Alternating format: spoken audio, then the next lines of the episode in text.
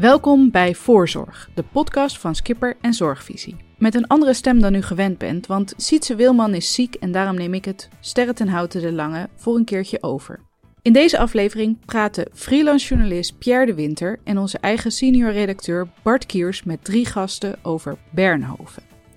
Ziekenhuis Bernhoven verkeert namelijk in financiële problemen. Het ziekenhuis zoekt 20 miljoen en moet daarvoor 120 man ontslaan.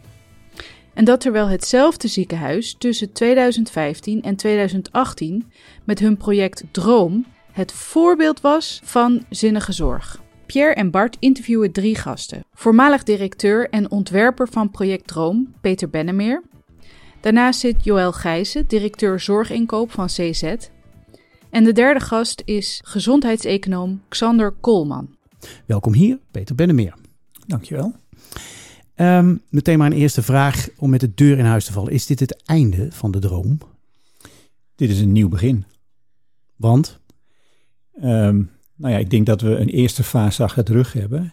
En wat je nu ziet is denk ik uh, een hele logische link naar een volgende fase die meer op systeemniveau uh, beantwoord zou moeten worden. Oké, okay, daar gaan we later uh, verder op door hopelijk. Um, ben je teleurgesteld in de zorgverzekeraars?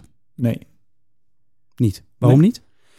Um, omdat ik denk dat die hun rol um, vervullen door het uh, scherp aan te sturen. Um, er zijn wel mogelijkheden waarin ze elkaar beter kunnen vinden. Maar ik geloof niet dat uh, het vingerwijzen van zin hebt. Je hebt ook je eigen verantwoordelijkheid. Helder, dankjewel. Uh, Bart, jij had wat vragen aan Joël Gijzen.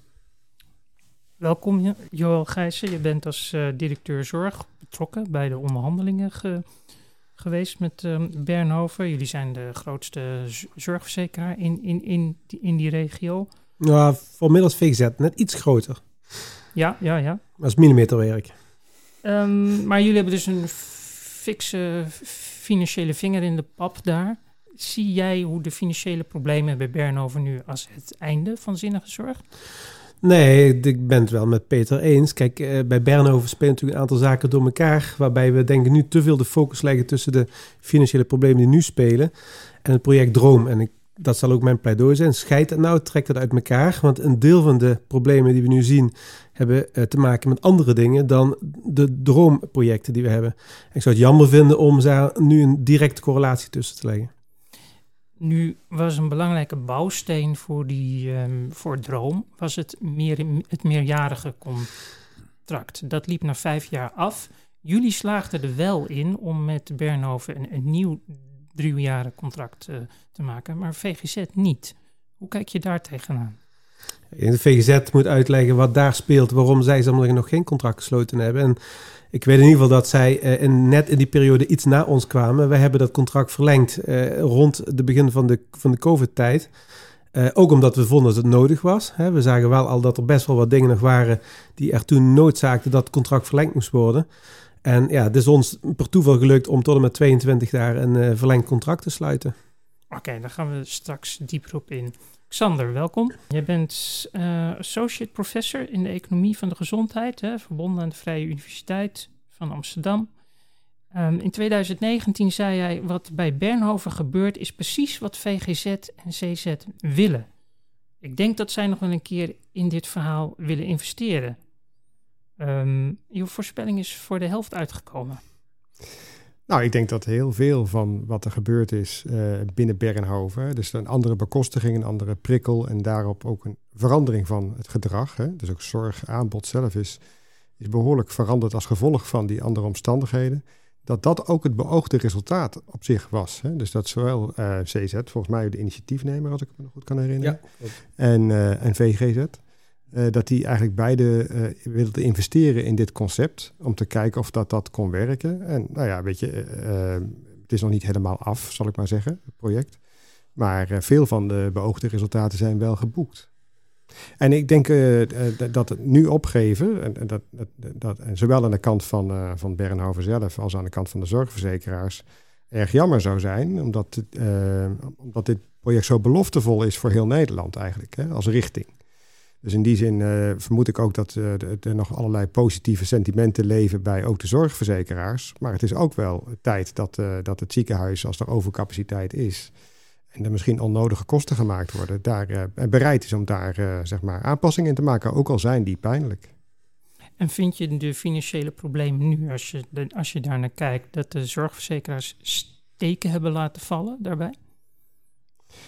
Uh, dat zou ik zelf niet zo direct zeggen. Ik denk dat zorgverzekeraars uh, uh, voor, op voorhand duidelijk gemaakt hebben dat het niet alleen maar ging over een verandering van de zorg, maar ook over het beheersen van de zorguitgaven.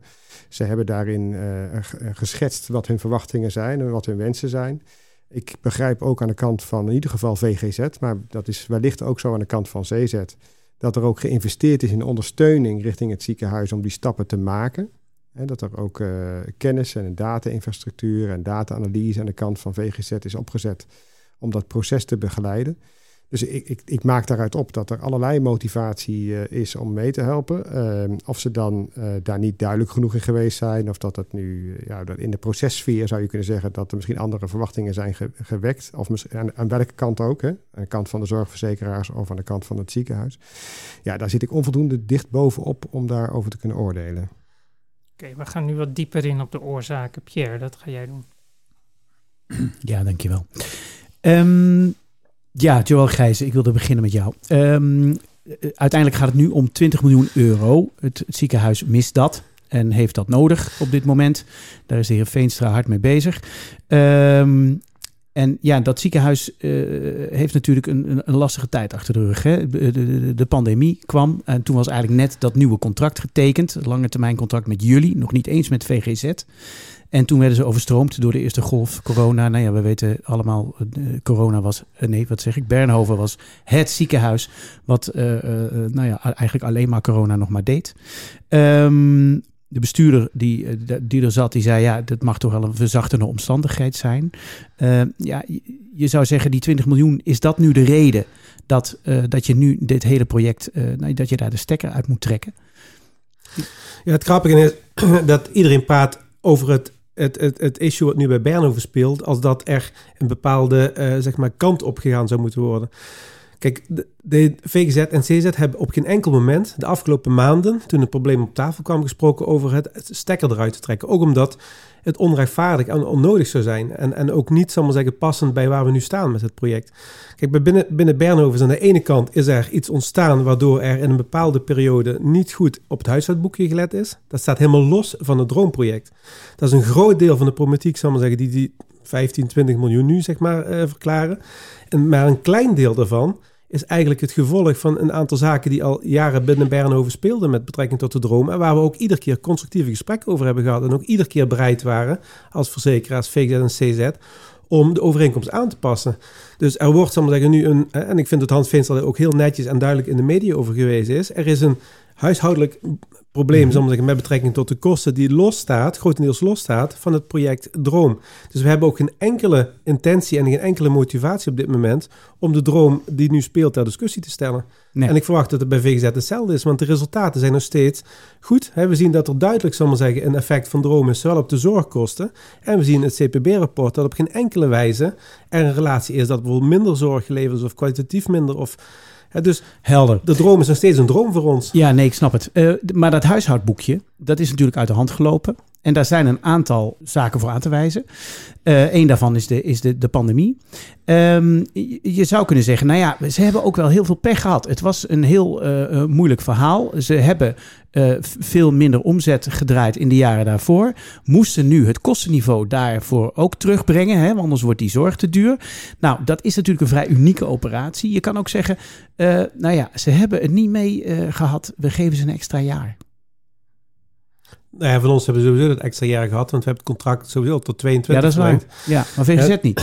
ja.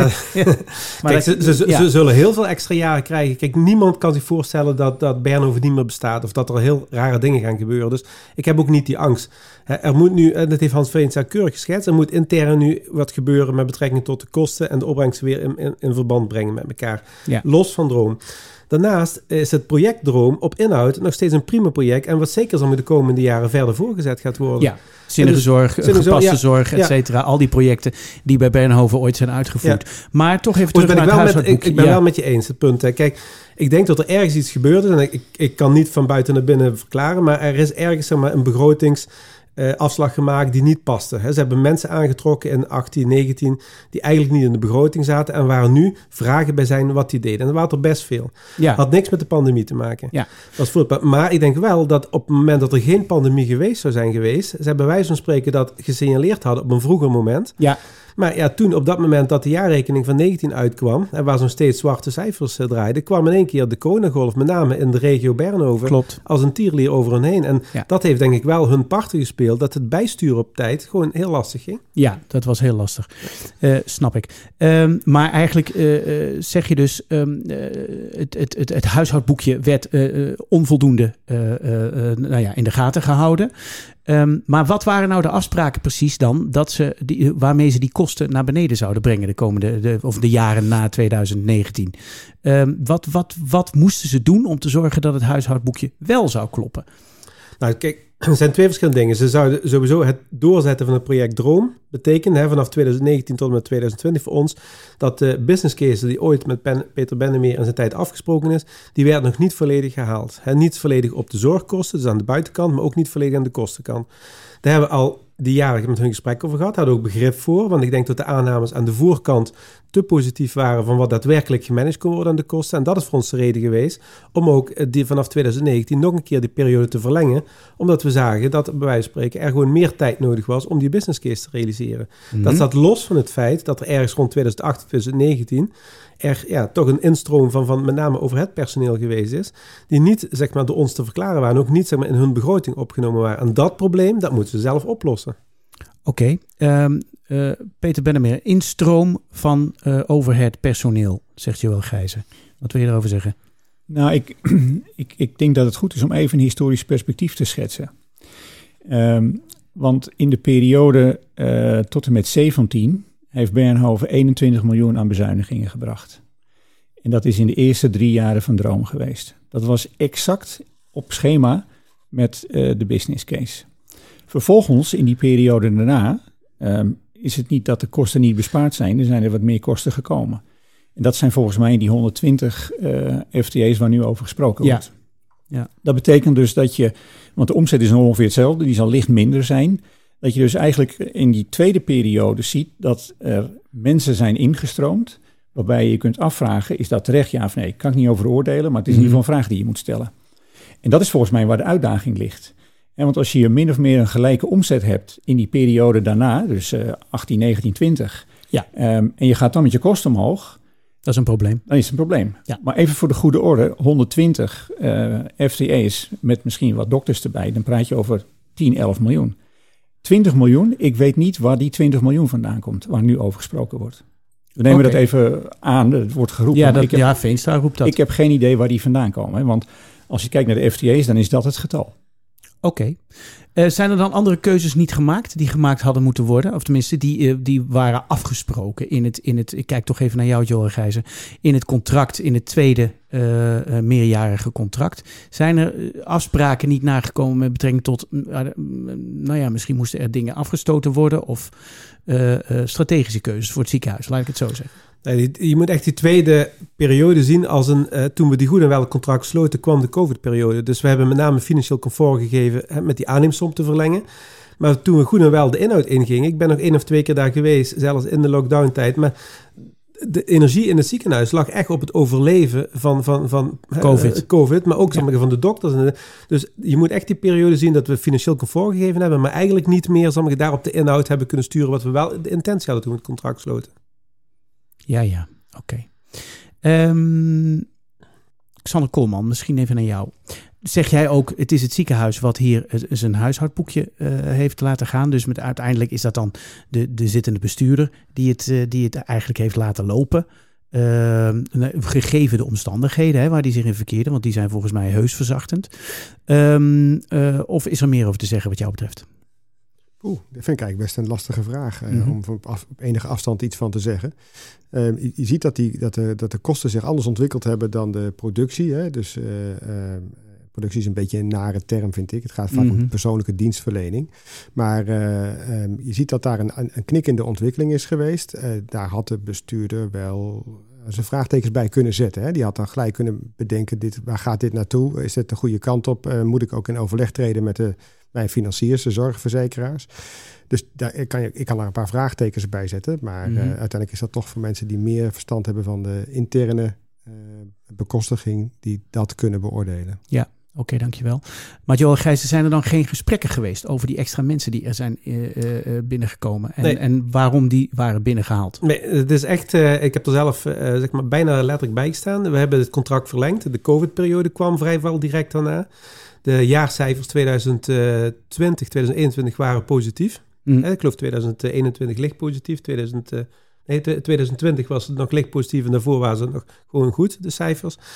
Uh, en uh, ik denk dat het niet alleen bij ons, maar ook bij hunzelf, to, als een, ja, toch als een donderslag bij helder hemel kwam, dat ze op een gegeven moment opmaken van de jaarcijfers 21, die natuurlijk best wel lastig waren in verband met hè, de, de, landelijke ja. regelingen die er waren, ook van ja. 20 de landelijke regelingen. Covid. COVID-regelingen, uh, dat ze op een gegeven moment heel laat zagen, hè, en dat was echt een schrik bij hun, maar ook bij ons, om te zeggen. Ja. Ze zijn ook meteen met hun aan tafel gegaan, maar ja, Weet je, als je eind 2021 die cijfers ziet en ze gaan over 2021, ja, dan is het alleen nog maar uh, constateren dat het er is. Maar je kunt over dat jaar niet meer veel bijsturen. Nee, helder. Uh, Xander Koolman, je wil iets zeggen ja, Ik heb uh, tijdenlang in, uh, in de Raad van Toezicht gezeten van de gezondheidszorgorganisaties. En daar probeerden we toch eigenlijk op frequentere manieren zeg maar, bij te houden hoe het met de financiën ging. dus wellicht waren de rekeningen wel wat complex nu, waardoor het lastiger was. Maar ehm, ja, dit klinkt toch alsof het intern management en beheer en controle eigenlijk tekort schoten aan de kant van het ziekenhuis. Als dat daadwerkelijk pas aan bij het opmaken van de jaarcijfers boven tafel kwam. Ja, als ik het samenvat, dan uh, zou de grootste zwarte piet toch bij het zittende management moeten, moeten liggen. Nou, dat is vervangen, hè? Klopt, bij het op dat moment zittende management. Nou ja, uh, dat, het, het, het, feit dat, uh, dat de, de, directeur ook opgestapt is, daar zou je dat ook uit kunnen opmaken. Maar ik zou toch liefst van hem zelf horen hoe dat zat, voordat ik hier op afstand daarover oordeel. Ja, maar, Johan Hans Veenstra heeft natuurlijk uh, mede op ons verzoek, en dat heeft hij keurig gedaan, een analyse door KPMG laten maken van de situatie in het ziekenhuis. Mm -hmm. He, waarin zowel de financiën als, zal maar zeggen, de, hoe, is, hoe is het zo gekomen? Ook om te leren naar de toekomst toe van hoe kunnen we het anders doen. En daar bleek wel uit dat er toch een, laat ik zeggen, in de interne controlling wel wat uh, afslagen gemist zijn. He, want je kunt niet op een, op een omzet van 200 miljoen zomaar 200 miljoen is op dit moment een omzet, 20 miljoen, ja. zonder dat je het ziet gebeuren. Ondanks ja. dat er COVID was en allerlei steunmaatregelen, die overigens die steunmaatregelen ook nog gezorgd hebben dat de omzet wat hoger was ja. in 2020 dan dat het normaal geweest zou zijn. Dus ik verwacht dat als er geen COVID was geweest, dat ze misschien nog wel wat eerder de rode cijfers hadden laten ja. zien. Ja, dus schrikken van 20 miljoen meer kosten uh, bij een omzet van 200 miljoen, dat is niet wat je wil. Dat is in ieder geval niet wat je wil zien van een ja, 10% uh, variëteit mag er niet een ziekenhuis of welke organisatie dan ook. Goed, helder. Laat dat de conclusie zijn. Um, ik wilde even door naar een, uh, naar, naar, naar, een volgend punt eigenlijk. Uh, want, ja, wederom, Joël, je krijgt de eer van de eerste vraag. Uh, ach ja, zorgverzekeraar hè. Um, uh, nou ja, het, feit dat VGZ er niet in slaagde om tot een nieuw akkoord te komen met Bernhoven, terwijl jullie dat wel deden. Terwijl ik heb uh, in 2019 een stuk geschreven over Bernhoven, dat was toen in de Groene. Um, en daar zei VGZ, wij willen de beweging met Bernhoven voortzetten. Bij ons is sinds enkele jaren zelfs sprake van een positieve business case. Vol goede moed en hoop. Nou, niet eens hoop, vol goede moed en zekerheid. En uh, CZ zei: Wij zitten midden in de voorbereidingen voor de nieuwe contractonderhandelingen en moeten ons standpunt over de afgelopen vijf jaar nog be bepalen. Met andere woorden, bij jullie was het allemaal veel, uh, veel meer de vraag of jullie tot een nieuw contract zouden komen. VGZ zou het gaan doen als je dat moest geloven. We zijn een paar jaar verder. Uh, Bernhoven zit in de financiële problemen. Jullie hebben een nieuw contract gesloten in die tussentijd. VGZ niet. Um, natuurlijk, VGZ is niet jullie, uh, maar toch hebben jullie daar, hebben jullie überhaupt geprobeerd om daar met VGZ over te praten? Hebben jullie, uh, uh, wat voor ideeën hebben jullie daarover gehad? Waarom dat daar niet lukt? Ja, we trekken samen met VGZ op, ook in de stuurgroep, waar Peter in het verleden bij gezeten heeft. Dus aan de inhoudelijke kant zitten we eigenlijk gewoon als collega's naast elkaar. Mhm. Wat betreft de financiële kant eh, is dat echt twee gescheiden werelden. Wij hebben onze eigen afwegingen gemaakt. Hè. We waren best wel in een bepaalde periode kritisch. Hè. Peter zegt, de business case werd gehaald. Nou, daar hadden we best wel vraagtekens toen bij. We hebben ook een aantal keren de, de aanneemsom op moeten hogen, omdat we in eerste instantie toch zagen dat er wat schuring zat tussen de verwachtingen en wat we zagen. Maar we werden overtuigd dat dat ook goed zou komen. Dus we hebben een periode gehad, eh, ook op de inhoud, hè, van klopt het wel dat daadwerkelijk die zorg zich zo gunstig ontwikkelt zoals we dat zien. We hebben de interne opgezet. Later kwam een CPB-rapport en het NZA-rapport die eigenlijk dezelfde conclusies gaven. En we waren op, opnieuw zeg maar, overtuigd van de nut en de noodzaak. En dat is voor ons de reden geweest om het eh, contract te verlengen. Omdat we zeg maar, zagen dat dit gewoon voor ons prima Ja. was om dit voor te zetten. Ja, nee, maar helder. Dat blijft raar dat een, een, een, een con- conculega, zou ik maar zeggen, die eh, een paar jaar geleden zegt, ja, wij gaan hier zeker mee door. En die natuurlijk ook bekend staat als degene die eh, heel trots eh Bernhoven aan iedereen liet zien als een voorbeeldziekenhuis. uiteindelijk niet tot een, een nieuw contract kwam. Ehm, eh, eh, nou, misschien Xander Koolman, jij bent niet direct betrokken. Maar wat, denk jij dat er bij VGZ is gebeurd? Dat ze dat eh, niet gedaan hebben? Nou, niet alleen het bestuur van eh Bernhoven is veranderd, ook dat van VGZ. Hè. Daar Ja. zit ook een, dus we hebben gezien dat, die is, inmiddels, is inmiddels weer vertrokken trouwens, de voormalig bestuurder van VGZ. Maar dat zijn Je andere... bedoelt Abklink. Nee, dus de, de opvolger. Oh, je bedoelt, sorry, ja. Eh, ehm, Carina van eh, juist, van ja. je vergeten. En ja. eh, zij had een iets andere visie. Hè? Dus we zagen dat eh, VGZ als organisatie een iets andere kleur kreeg in, in allerlei eh, perspectieven op, eh, op beleid. Ja. Ehm, eh, en, en ik denk dat Abklink misschien wel, nou ja, hij is niet de initiatiefnemer. Ik zei al eerder dat dat vooral misschien CZ was. Ja. Maar, maar, VGZ, maar Abklink heeft binnen VGZ zeker een belangrijke rol ge- eh, gespeeld in de steun voor dit project. Ja. En toen hij vertrok en een andere bestuurder het overnam, eh, verwachten wij ook, wa- waren wij ook benieuwd om te zien of dat diezelfde visie uitgedragen zou blijven worden. Dus dat is één. Eh, Ja. Er, er is een verandering geweest. En twee, ik denk eigenlijk, en het is eerder ook al verteld hier, dat, eh, dat, dat eh, VGZ misschien wel ehm, stevige uitspraken doet ten aanzien van de kostenstijging nu en het uiteenlopen van kosten en, en omzet of van productie.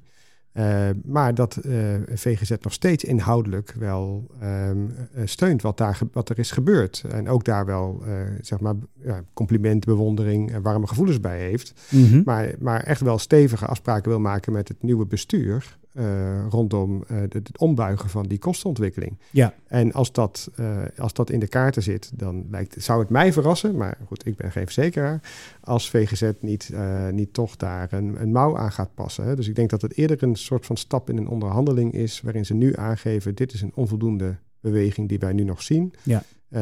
Maar ik, zou me, ik denk niet dat zij hun handen aftrekken van het concept, zal ik maar zeggen. Snap ik. Maar van complimenten en warme gevoelens kan een ziekenhuis natuurlijk niet draaien. En dan ga ik meteen naar eh, Peter Bennemeer. Eh, jij wil daar graag een commentaar op geven. Pierre, jij vroeg mij aan het begin, eh, vind je dat zorgverzekeraars hier een eh, schuld hebben? En dan zei ik op nee. En ik denk, ehm, wat eh, Xander ook zegt, eh, het is denk ik belangrijk dat zorgverzekeraars, als je met elkaar afspraken maakt, die ook strikt naleven. En dat je in dit geval Bernhoven ook eh, daarop attent maakt en strak aanstuurt.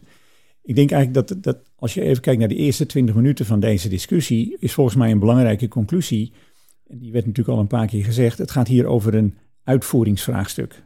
Een goede strategie, maar die in de uitvoering nu bijgestuurd moet worden. Ik denk dat we ook hebben eh, kunnen constateren dat dat eigenlijk in het begin heel goed gelukt is. Maar waar we met z'n allen aan voorbij gaan, is dat het commitment dat wij aangaven eh, destijds in de business case, dat we over vijf jaar 10% eh, schadelast zouden reduceren. Dat was na drie jaar al 16. Dan krijg je een heel ander vraagstuk vanuit je kostenperspectief. Ja. En dan is de business case ook plotseling een hele andere geworden. En dat betekent ook dat je dieper moet snijden in je kosten. Vandaar we ook een radicaal andere structuur hebben neergezet. Het is ook geen project, het is gewoon het nieuwe zijn van Bernhoven. Hè? Het is ook niet iets wat je zomaar omdraait. Van nou, we, we doen nu even een ander kunstje en dan is het geregeld. Dit zit veel dieper. En, en ik denk dat Xander een, een, een, een- een juist punt heeft. Ehm, VGZ zit strak in de wedstrijd, net zo overigens als CZ, eh, maar met de juiste bedoelingen om het weer op de rit te krijgen. En dat gat is echt geen 20 miljoen. Want toen wij begonnen waren we al 6% goedkoper dan alles wat er omheen ligt. Als je dan 21 miljoen bespaart en daar gaat wat ik net zei, een pakweg een 10 miljoen in arbeidskosten omhoog, dan zie ik nog steeds het gat van die andere 10 miljoen. Maar dat betekent dat het, de waarheid ligt denk ik veel dichterbij om weer uh, een goede, gezonde organisatie te hebben dan wat misschien nu in zijn totaliteit een beetje lijkt. Dat is interessant natuurlijk, hè? want uh, de nieuwe bestuurder Veenstra die zegt 20 miljoen. Jij zegt, dat geloof ik niet als je het hebt over 120 FTE's die eruit zouden moeten. Um, en dan is de vraag, wat is hier waar? Uh, Joël Gijzen, is die 20 miljoen, wat, wat, wat, wat, wat moeten we daar dan van denken van dat bedrag? Zijn jullie, onderschrijven jullie dat bedrag als, uh, als zorgverzekeraar? Nou, ik denk dat we sowieso terug moeten naar wat Hans Veenstra werkelijk gezegd heeft. Hans Veenstra heeft gezegd dat er voor 20 miljoen ombuiging moet plaatsvinden. Dat is wat anders dan dat straks een jaarrekening komt waar een tekort van 20 miljoen in staat. Ja. Kijk, die ombuiging is, hè, Peter Bennemeer, maar ook Hans Veenstra geven aan dat een ziekenhuis als Bernhoven moet gewoon toch een, een minimaal een 3, 4 miljoen positief exploitatieresultaat per jaar kunnen draaien. Wil je voldoende zeg maar, bewegingsruimte hebben ook naar de toekomst kunnen investeren. Nou, als je die 20 miljoen ziet dat dat er ook in zit, hè, dan spreek je denk ik nog over 15 miljoen, wat dan bij wijze van spreken in de jaarrekening naar boven zou kunnen komen. En ik ben geen waarzegger en ik heb de jaarrekening niet gezien, maar dat zou zomaar een bedrag kunnen zijn wat dan in de jaarrekening omhoog komt. En er zal dan een 10 miljoen uh, in zitten wat echt te maken heeft met die, uh, met die mensen die toch zeg maar boventallig in het ziekenhuis aanwezig zijn. Voor een deel zijn het dokters, maar ook voor een groot deel ondersteunend personeel. En het overige zullen waarschijnlijk een verzameling zijn van toch wat postjes die links en rechts ja, onvoldoende zeg maar, gedekt zijn. En dat totaal verwacht ik, in combinatie met die wens om toch 4, 5 miljoen structureel aan positief rendement te draaien, dan denk ik dat je op die 20 miljoen komt die, die Hans Veenstra nu noemt in de pers als ombuigingstaakstelling. Ja. Dus ik kan het verhaal van Peter en van Hans kan ik wel bij elkaar brengen, zeg maar, met die, eh, ja. die redenering. Nou goed, Bart, jij hebt daar ook nog iets over te zeggen. Ja, um, ik heb gesproken met mensen binnen het ziekenhuis en die zeggen dat in die 20, mil 20 miljoen, daar zit ook een plan voor een nieuw EPD. Dat kost toch gauw 8, 8, 8 à 9 miljoen euro. Is het dan niet zo dat dat 20 miljoen eigenlijk uh, een beetje opgeklopt is om een gevoel van urgentie te creëren in, in het ziekenhuis? Zijn de problemen eigenlijk minder ernstig? Ja, ik vind eigenlijk is dat een vraag die je aan de bestuurder moet stellen. Hè? Dat is lastig. En zeker als iemand zegt, het zit erin. Eh, ik denk dat het er niet in zit. Ik weet wel dat het EPD wel een issue is wat speelt. Daar hebben we ook gesprekken over. En dat is ook een van de redenen dat we hebben gevraagd aan Bernhoven. En daar is Bernhoven ook druk mee bezig om met, met omliggende ziekenhuizen te kijken of er samenwerkingsverbanden gesloten kunnen worden. Want net dit soort investeringen kun je natuurlijk het beste doen in combinatie met een partner die daar al een voorinvestering gedaan of die daarin kan ondersteunen. En, en ja, dat is eigenlijk een van de redenen ook waarom in Hans Veens heeft gezegd van we zijn nu aan het zoeken welke partijen, hè, welke partij in de regio ons zeg maar, kan ondersteunen op de langere termijn. Dat vinden we ook een goede zaak, dat daar veel meer synergie gaat ontstaan, bijvoorbeeld op de investeringen in EPD. Ja, nou ja, goed. Uh, uh, helemaal eruit komen zullen we niet. Dat is inderdaad iets om aan het Veenstra te vragen een keer. Um, maar uh, Peter, wat Veenstra allemaal heeft gezegd, hè, beter declareren. we moeten meer omzet uiteindelijk toch weer gaan, gaan, gaan zien te maken. We zoeken een partnership met een groter ziekenhuis. Um, het, het, het oogt wel heel erg als de klok een, een, een, stuk terug. Als je het vergelijkt met de beweging die jullie in de tijd hebben gemaakt tussen 2015 en 2018. Um, en daar, ja, ik, voor mij, het, het voelt wel een beetje als, op zijn minst als je dat leest, als het einde van de operatie Droom. Uh, veel, veel stopt, heb ik het idee, als ik dat lees. Ja, ik, ik hoop van niet. Ik denk dat uh, het goed is dat de zorgverzekeraars, die wat dat betreft een veel breder blik hebben, uh, dat die daar ook mee aan tafel zitten. Um, ik denk dat uh, als ik, ik neem, verneem het ook uit de pers, als ik Veenstra hoor zeggen dat hij gelooft in zinnige zorg, ja, dan denk ik um, dat het wel goed komt. en dat je een stuk urgentie creëert, ik denk dat het ook verstandig is. Um, maar daarom zei ik net ook heel bewust, dit is geen project, dit is het nieuwe zijn. Um, en, en ik ga ervan uit dat uh, in de gesprekken die worden gevoerd in huis en met de verschillende stakeholders, dat daar de ideale oplossing uitkomt. Waarbij misschien, misschien nog, nog even, kijk, een, een interim manager heeft een andere rol als de nieuwe CEO die nu gezocht wordt. Hè? Uh, een interim manager lost het urgente probleem ja. op, uh, zorgt dat de vervelende besluiten worden genomen. En de nieuwe CEO, die is verantwoordelijk voor de nieuwe strategie. Ja. Zo gaat het in de grote mensenwereld. Klopt, nee, helemaal eens. Uh, voor zover ik de grote mensenwereld kent. Joël Gijzen, jij wilde wat zeggen. Ja, dat is een tragisch misverstand wat over dat beter declareren. Want ik kreeg van meerdere journalisten die vraag. Maar volgens mij heeft Frans Vinsel het niet gezegd. Hij heeft gezegd, we moeten beter registreren. En wat met name speelt, is dat eh, er een, een, nou, een soort, soort, ja, ik heb de moraliteit genoemd, hè, de moraal van het registreren iets minder eh, prominent geweest is. Dat is op zich geen probleem als je een aanneemsom hebt. Maar als je niet met elke verzekeraar een aanneemsom hebt, hè, dan, dan krijg je dat voor die verzekeraars waar je op productiebasis afrekent en je Ja. ook niet registreert en dus niet declareert, dan mis je gewoon inkomsten. Ja. Dus dat staat helemaal los van de droom. Dat staat helemaal niet ter discussie. Het ziekenhuis gaat door met die droom. Maar met name bij verzekeraars die geen aanneemsom hebben, ja, die, die spinnen garen bij het feit dat een dokter in de spreekkamer geen onderscheid maakt tussen een CZ-verzekerde en een verzekerde van een andere verzekeraar. En dus eigenlijk die andere verzekeraar onnatuurlijk te weinig declaraties binnenkrijgt. En dus het ziekenhuis daar een financieel eh, tekort op, eh, op loopt. En dat bedoelt Hans Veenstra met beter registreren om met name die verzekeraars die geen lange termijn contract hebben, ook daar een faire rekening voor te laten betalen voor die patiënten die in het ziekenhuis zijn. Oké, dus het gaat vooral om de discipline van het, van het, van het Registreren. registreren. Ja. Dat is het verhaal. Oké, nou goed, daar gaan, we, daar, gaan we even verder mee. Eh, Xander Kolman wilde, wilde daar iets over zeggen. Ja, ik denk dat eh, toen Hans eh, Veenstra aantrad, eh, er een duidelijk probleem was. De vorige bestuurder stapte ook in één keer op natuurlijk en hij moest het probleem gaan oplossen. Daarin moest hij, en moet hij nog steeds met VGZ, maar in eerste instantie moest hij met alle verzekeraars aan tafel om daar tot goede afspraken te komen. En die, die, die verzekeraars hebben een bepaald belang bij het succes van die operatie. Ja. Dus dat hij zegt van nou, dat staat ook ter discussie. Dat kan ik me als onderhandelingsstrategie best wel voorstellen. Zo las ik in ieder geval zijn, eh, eh, zijn uiting in de media. Nou ja, goed. De- de- de- Een interim manager moet, eh, moet, moet zijn, zijn slimme moves maken. Dat, eh, daar kunnen we ons iets bij voorstellen. Goed, ehm, maar zijn we het erover eens dat het dus niet de klok terug is? Of ehm, eh, eh, eh, met andere woorden, zinnige zorg bij Bernhoven, dat gaat heus wel vorm, nou ja, gegeven, nou ja, dat, dat blijft men vormgeven daar. Daar gaan ze niet zomaar van afstappen op de onder Veenstra nu en wat er daarna verder gaat. Vol, volgens mij is, geeft ja. het gewoon bewezen waarde. En de bewezen waarde zowel op de zorg in, maar ook voor ons als verzekeraar. Hè, dus als je kijkt naar de, de omzet in het gebied van de zorgkosten in het gebied van het ziekenhuis, zijn toch significant lager dan de zorgkosten bij een vergelijkbaar ziekenhuis. Ja. Dus je zou wel gek zijn als zorgverzekeraar om daar niet in te blijven investeren. Ja, ja het is zelfs zo dat, um, um, hoe heet onze gezant voor uh, uh, passende zorg ook alweer? Jan Kremer, dankjewel. Dat die heeft gezegd, uh, zinnige zorg of passende zorg, dat is uh, contacteren bij een ziekenhuis als Bernhoven. Dat, uh, dat heeft hij letterlijk zo ja. gezegd. Hè? Uh, dat is wel een beetje, nou, een beetje lullig eigenlijk op dit moment. Als je nee, zo nee waarom? Dit, dit is volgens mij precies de discussie die we moeten hebben. Want wat je eigenlijk ziet is dat um, dit is het juiste voor de patiënt, hè, voor de burger. Nou, daar zijn we voor op aarde. We zijn niet voor onze instelling op aarde. Ja, die verantwoordelijkheid hebben we, maar we hebben een maatschappelijke verantwoordelijkheid.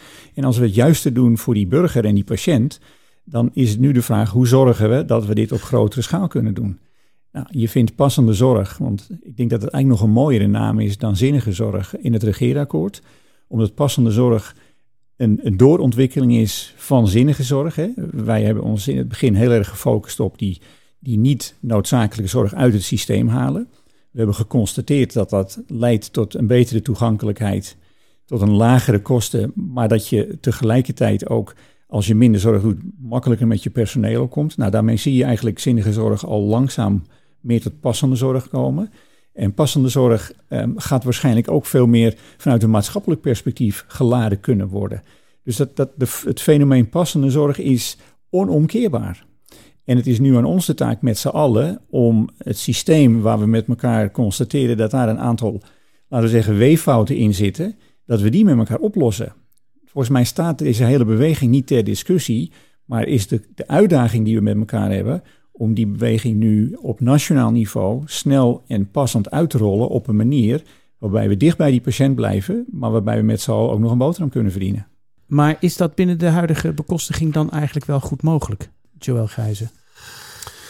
Het, is heel goed mogelijk, want we bewijzen het nu hè, in een aantal uh, uh, contracten. Ik noem Bernhoven, waar we nu voor zitten, maar bijvoorbeeld Zuidland is ook zo'n uh, traject. Hè, een tienjaarscontract met een aanneemsom. Maar daar zullen we ook echt moeten opletten dat er een aantal dingen toch aan de randen spelen. Hè, die dus niet alleen met de kost van ziekenhuis te maken hebben, maar ook in het systeem.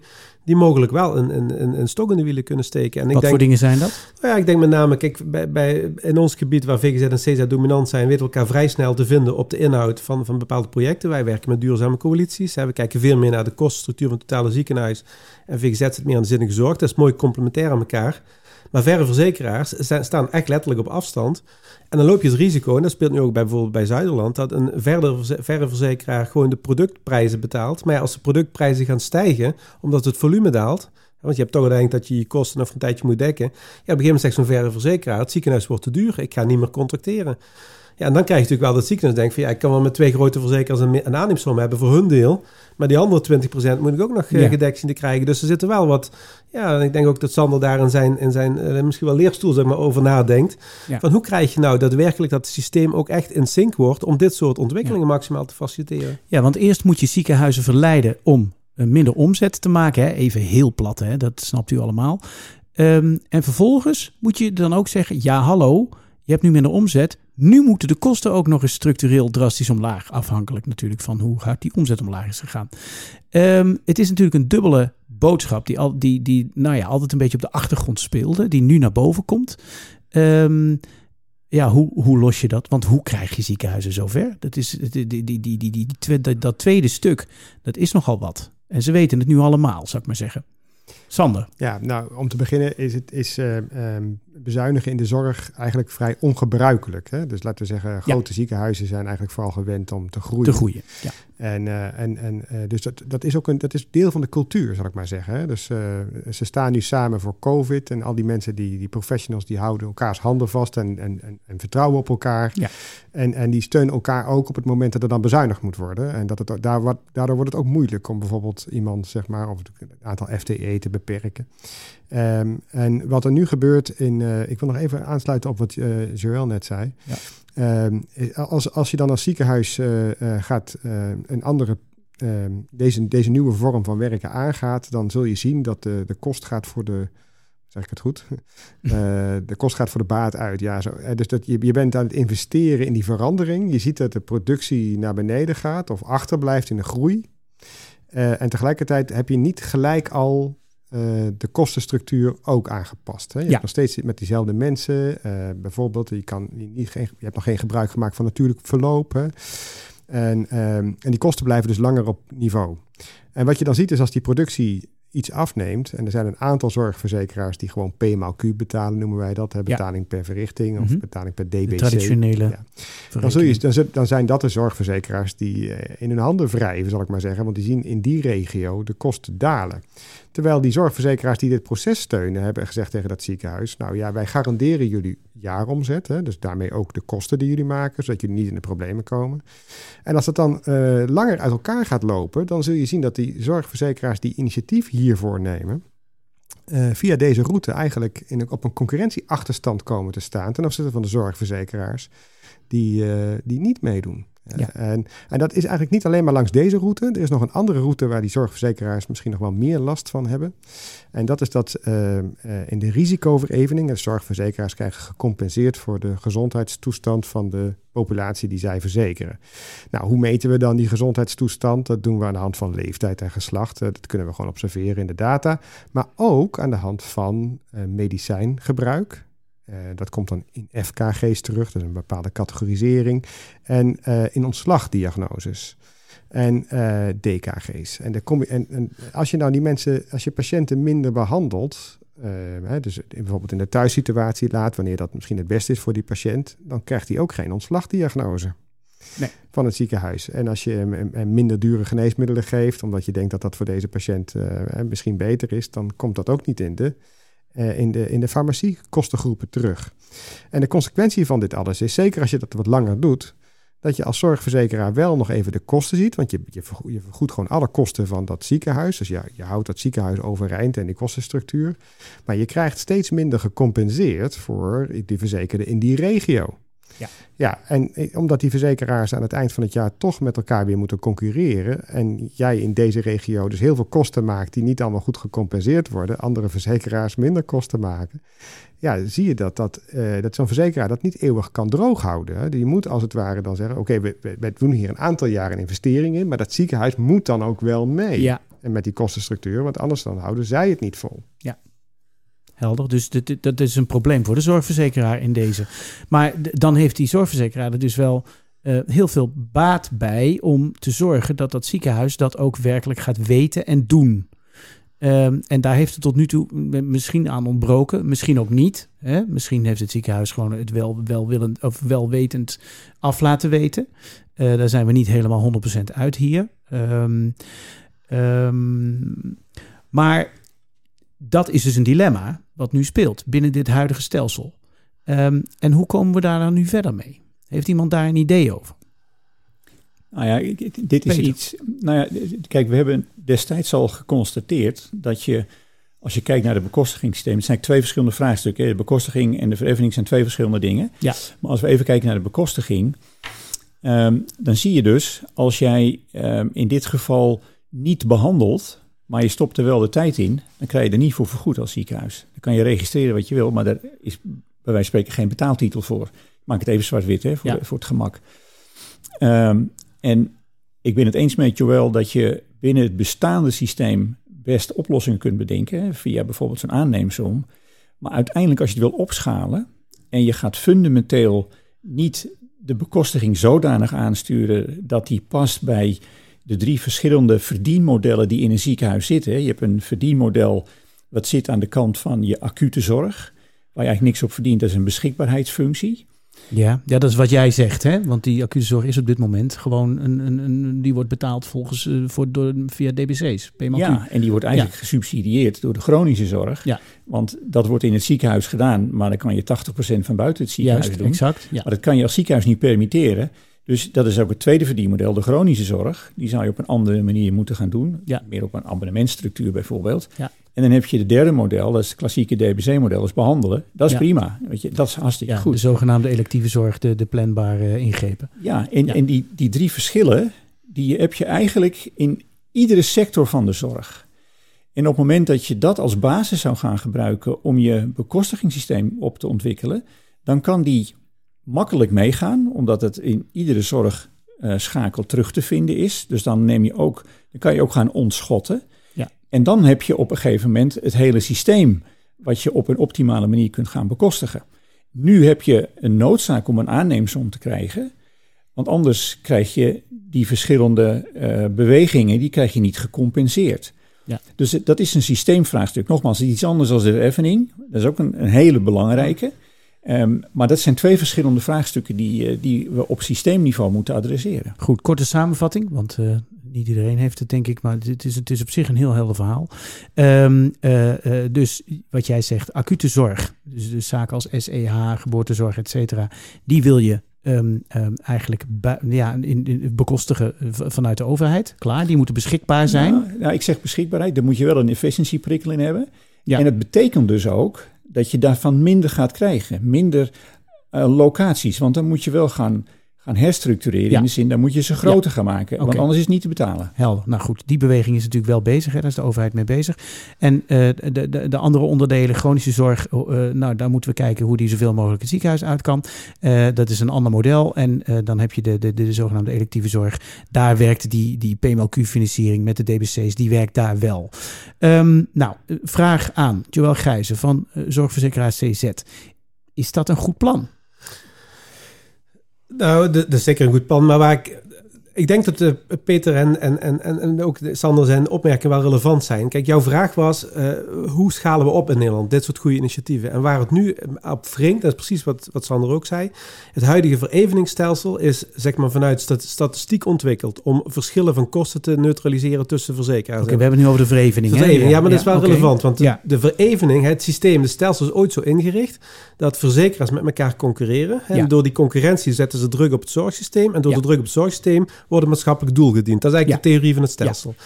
Wat gebeurde is dat het stelsel van verevening, zal maar zeggen, in de basis prima was. Maar het is een statistisch stelsel. Maar Ja. er zitten geen gezondheidseconomische prikkels in die de juiste kant op duwen om dat maatschappelijke vraagstuk op te lossen. Ja, ja. En dat is denk ik hetgene waar we tegenaan lopen. Dat zolang het klein is, hè, we hebben met vijf ziekenhuizen hebben wij zo'n experiment. Op een totaal van 80 ziekenhuizen valt het nog mee. Maar je zult ook zien dat ga je dit opschalen en zijn we de enige verzekeraar die dit doet, dan, dan dragen we ons eigen faillissement aan. Ja. Dus je wilt het systeem zo inrichten dat elke verzekeraar belang krijgt om dit soort initiatieven te ondersteunen. Juist. En dat kun je doen als overheid door het, door het vereveningssysteem zo in te richten dat je dus niet meer bazaal de kosten van vorig jaar neutraliseert met elkaar, maar eigenlijk het systeem inricht dat de doelen die maatschappelijk gediend dienen te worden de komende vijf jaar, dat daar de prikkels in de verevening op gezet worden. En die zijn nu averechts, die staan haaks, zal maar zeggen, de prikkels op dit soort initiatieven. Precies zoals Sander het zei, als wij heel veel dingen doen met zinnige zorgen en met duurzame coalities, waar we veel tijd en energie in steken, en we zijn succesvol, is dat het einde van CZ. En ziet het er nou uit dat, dat, eh, eh, dat die nieuwe prikkels, nou, laten we zeggen, over de, we hebben het over het is, is er een ontwikkeling die maakt dat we die kant op kunnen? Dat dat met, nou weet ik veel wat, twee jaar of zo, realiteit zou kunnen zijn? Want daar zit natuurlijk het grote vraagstuk. We praten al heel lang over de bekostiging en de verevening. Eh, iedereen die verstand van zaken heeft, zegt al vijf jaar het moet anders. Maar eigenlijk gebeurt er helemaal niks. Ehm Xander, hoe, hoe zie jij dat? Is, is er een agenda om tot die veranderingen te komen? Ehm, nou, eh, volgens, eh, eh, als je de, de Tweede Kamerdebatten erop naslaat, dan zie je dat het de, de standpunt van het ministerie van VWS is dat het vergevingssysteem grotendeels af is, of, of eigenlijk af is en een beetje onderhoud geniet, maar niet meer opnieuw hoeft te worden herzien. Terwijl dit soort prikkels er ja, fundamenteel in zitten, zal ik maar Ja. zeggen. Dat is, een, dat is niet een kwestie van een, een, een parameter een beetje aanpassen hier of daar. Daar moet je gewoon over nadenken. Ja. Ik zie wel dat er soms in de praktijk oplossingen worden afgedwongen. Ehm, met name grote ziekenhuizen die een eh, machtspositie hebben Mhm. in de regio. Die willen nog wel eens bij verzekeraars die niet meedoen, ehm, gewoon afdwingen dat zij die hogere tarieven betalen. En die zorgverzekeraars kunnen dan ook niet zeg maar ehm, uitwijken. Want dat kun je Nee. wel doen als je in een klein ziekenhuis, als er allemaal mooie grote Klopt. zieken omheen staan. Ja. Ziekenhuizen omheen staan. Maar als dat, als dat een groot ziekenhuis is waar je van afhankelijk bent, bijvoorbeeld voor de Ja. derde lijnzorg, dan kun je dat niet. Systeemziekenhuizen, zoals we het ook wel noemen. Ja, Dus, dus laat ik het zo zeggen. eh, ik denk dat dit probleem helemaal niet opgelost is nog. nee. En, ehm, ehm, en, en ja, ik zou hopen dat hier wat meer over nagedacht gaat- worden. eh, als we dit soort ehm, dyn- dynamiek willen steunen. Want nog even naar Bernhoven als casus. Kijk, een van de, van de, van de situatie. ja, de situatie van de afgelopen jaren maakte dat de bestuurder eh, een heleboel dingen aan hun hoofd hadden. Hè. Niet alleen maar dit, eh, de kostenstructuur, zeg maar, op, eh, laten, in, de lijn laten lopen met ook de productie. Maar eigenlijk gewoon ja, de ene golf naar de andere golf met een heel zware belasting. En Bernhoven heeft niet het minste last gehad van de crisis. Hè. En Nee. die medewerkers, Precies. die hebben echt hun lading Ja. gehad. Zeker. En dat daar, dus je zou kunnen zeggen, ja, er waren toch ook wel eens bijzondere omstandigheden. En toch kan, kunnen die verzekeraars hebben maar heel beperkte ruimte, gegeven de situatie waarin zij opereren, om dan te gaan zeggen van, nou ja, hier heb je wat ruimte, hè, we geven je nog een Hier paar jaar tijd 20 of zo. miljoen. Hè? Ja, precies. Ja. Ehm, eh, niet dat ik daarvoor zou zijn, want ik denk dat, de- dat de druk erop gehouden moet worden. Hè? Maar ja, ik heb toch ook wel een beetje te doen met die medewerkers eh, en, en ook eh, dat, dat bestuur van, van Bernhoven dat zulke zware tijden achter de rug heeft. Ja. Eh, dus ik, ik wil zeggen, als je een systeem hebt, een stelsel hebt waarin, ehm, waarin die zorgverzekeraars zelf ook zeg maar, meer ruimte zouden kunnen hebben om, eh, om dit wat langer vol te houden. Dan zouden zij misschien hier Bernhoven wat meer kunnen steunen in deze transitie. Ehm, maar wat, ik wil wel helder maken dat ik ook niet hier een voorstander ben van eh, het laten doorlopen van uitgaven Nee. die eigenlijk strikt genomen niet nodig zijn. Want ja, die moeten wel opgebracht worden door de burger. En die doet dat niet vrijwillig. Die moet eh, gedwongen worden eh, om dat te doen hè, in ons zorgstelsel. Ja. Betaal je niet, eindig je in de gevangenis, zeg ik altijd tegen mijn studenten. Dat is nogal wat. Hè? Dus, dus in die zin wil ik, hè, we moeten ons allemaal kost- kostenbewust zijn. En, en, en die zorgverzekeraars hebben die, die echt die verantwoordelijkheid. Het is een zware verantwoordelijkheid. En tegelijkertijd, ja, ergens moet het, ergens moet het bewegen Ja. hè, de komende periode. Maar wat ik hoor wel, is wat je zegt, het, daar moeten we meer over nadenken. Dat zei je, hè? Ja. En dan denk ik, ja, maar volgens mij praten we er al een jaar of vijf over. En eh, eh, er gebeurt eigenlijk heel weinig dus. Als wij nu nog zeggen, weet je, jij die goed ingevoed bent, die, die, die weet wat er speelt, zegt, ja, daar moeten we meer over nadenken. Dan is er dus, nou dan hadden we het nu over de verevening, maar als we het over de bekostiging hebben, natuurlijk precies hetzelfde. Ehm, eh, dat, dat, dat ligt voorlopig nog allemaal hartstikke vast in de manier waarop we het doen. Ehm, dus eigenlijk is mijn vraag: waar, waar zou de urgentie vandaan moeten komen om nou eens werkelijk bijvoorbeeld een verandering zoals Peter die suggereert voor de ziekenhuizen? Waar zou dat vandaan kunnen komen? Om dat werkelijk gewoon in, in, in dit land eh, eh, eh, ja, onontkoombaar te maken. Nou, ik, ik, ik denk dat een belangrijke stap is gezet door passende zorg in het regeerakkoord neer Ja. te zetten. En, en, en ook de bewustwording daarvan dat dat meer is dan de klassieke definitie die we in het begin hadden voor zinnige zorg. Dit is, dit is echt een volgende stap. En ik denk ook dat het een illusie is dat je aan de individuele ziekenhuizen, met een paar uitzonderingen daar gelaten, kunt vragen om, dat, om die radicale eh, verandering zelf ehm, eh, in gang te zetten. Dat is niet vele gegeven. Dat betekent ook dat als je ziet dat deze beweging, dat dat de juiste beweging is, en volgens mij zijn de meesten het daar wel over eens, ja, dan heb je een beetje hulp nodig van een overheid die op een gepaste manier eh, een beetje regie geeft, die helpt om de verzekeraars die legitimatie die ze nodig hebben om deze stap vanuit de praktijk ook in te sturen, om die ook een beetje eh, ruimte te geven. En dan ga je geleidelijk, want het is vier tot acht jaar wat je nodig hebt, en dan heb je eigenlijk, eh, simpel gezegd, transitiebudgetten nodig voor die partijen die dit proactief aanpakken. En de mensen die dit niet doen, ja, die moet je ook niet daarvoor belonen. En op dit moment ehm, is het makkelijker om gewoon productie te draaien, als ik het even onaardig mag zeggen. nee, zeker. Want ja, als je er ieder jaar een paar miljoen bij krijgt, dan is het leven is Ja. vrijwel aangenaam. Als je het echt het moeilijke gaat opzoeken, ja, dan kom je in zo'n situatie als Bernhoven terecht. En het kan niet zo zijn dat wanneer je het juiste doet voor die patiënt, dat je gestraft wordt door het systeem. Ja. Daar moeten wij met z'n allen voor waken. Joel Gijzen, de- hoe, hoe zie jij dat als, als van- vanuit de zorgverzekeraars? Is dat nou, eh, de, hoe kunnen jullie die beweging waar Peter Bennemeer het hier over heeft, hoe zouden jullie die nou alsnog eh, kunnen onderzoeken? Dat hebben jullie natuurlijk gedaan bij Bernhoven, maar ehm, eh, eh, nou ja, door het, het stelsel gewoon op een andere manier in te steken, de bekostiging eh, te wijzigen. Hoe zien jullie dat? Ja, ik ben het helemaal met je eens. Kijk, de bekostigingwijziging hebben we gedaan. Daar ligt ook voor ons het issue niet. Hè. We kunnen heel veel binnen huidige bekostiging. Het issue zit echt dat wij als verzekeraars redeneren vanuit het stelsel, het zorgstelsel waarin zitten, meer prikkels krijgen en meer ruimte krijgen om dit soort ontwikkeling te faciliteren. En net zo goed als wij, ik ben het helemaal met Sander eens, als je VWS vraagt, de ambtenaar zegt het is een perfect vereveningsstelsel. Door de bril van een statisticus gekeken, die het Ja. hier en nu verklaart, is het een perfect verzekerings, eh, vereveningsstelsel. Door de bril van een gezondheidseconoom, die bij wijze van spreken ook prikkels mee wil geven, is het een waardeloos stelsel. Ja. Nou, en wil je uiteindelijk, zal ik maar zeggen, eh, dat waardeloze stelsel overboord gooien, dat lukt niet, want we hebben geen ander. Dit is Nee, een wereld. Maar Ja. wat je zou kunnen doen als VWS, en daar heb ik vaker ook over eh, gehad, is dat net zo goed als wij een soort experimenteervrije ruimte geven, zeg maar met een budgetgarantie, hè, wat het ziekenhuis krijgt, wat ze gekregen hebben, wat nog doorloopt om die transitie te kunnen doen, zou je ook in feite een verzekeraar, pak CZ in Zuid-Limburg, de garantie moeten geven dat het vereveningsresultaat, bij wijze van spreken, in die periode gewoon minimaal op hetzelfde niveau blijft en niet verslechtert. En eventueel verbeterd door je eigen acties. Dus diezelfde eh, experimenteerruimte die wij in de ziekenhuizen geven, zou ook VWS bij wijze spreken verzekeraars moeten geven in de risicoverevening, waardoor wij veel meer eh, geprikkeld worden, gestimuleerd worden, maar ook de, ja, de garantie krijgen dat we niet uiteindelijk met hele goede doelen met lege handen eh, over vijf jaar staan. Dus er zijn mogelijkheden, maar er moet ergens iets doorbroken worden dat we de statistici, hoe goed bedoeld ook, even aan de kant zetten, zeg maar, in het Ja. vereveningsdiscussieverhaal. Ja. En wat meer ja, gezondheidseconomen als Sander, zeg maar, eh, naar Ja. voren duwen. Nee, wat ik begrijp is, voor het weet zitten jullie als CZ in dezelfde positie als Bernhoven nu.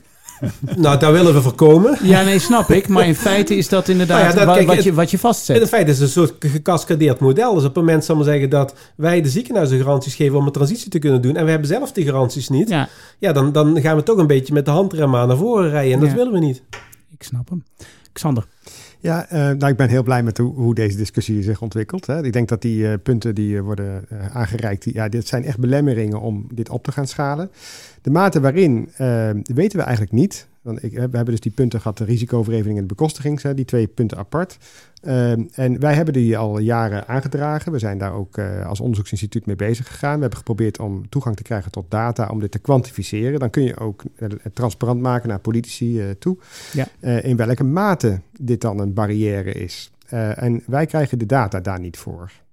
Ah, Nee, dus er is één instituut in Nederland die de data daarvoor wel heeft. En dat is de NZA. En die moet het dan eh, doen. Dus we hebben aan NZA gezegd: van, Nou, wij mogen het niet, maar misschien krijgen jullie, of wij krijgen die data daar niet voor. Jullie misschien wel. Ja. Zouden jullie dit kunnen onderzoeken? Ja, en zij hebben dat niet opgepakt. Dat eh, is ook hun recht hè, om dat wel of niet te doen. Dat is, dus zij hebben ook beperkte middelen. Ja. Wij hadden op zich daar en hebben daar de capaciteiten voor, maar wij krijgen de data niet. En, en dat hangt voor een belangrijk deel ook weer bij VWS.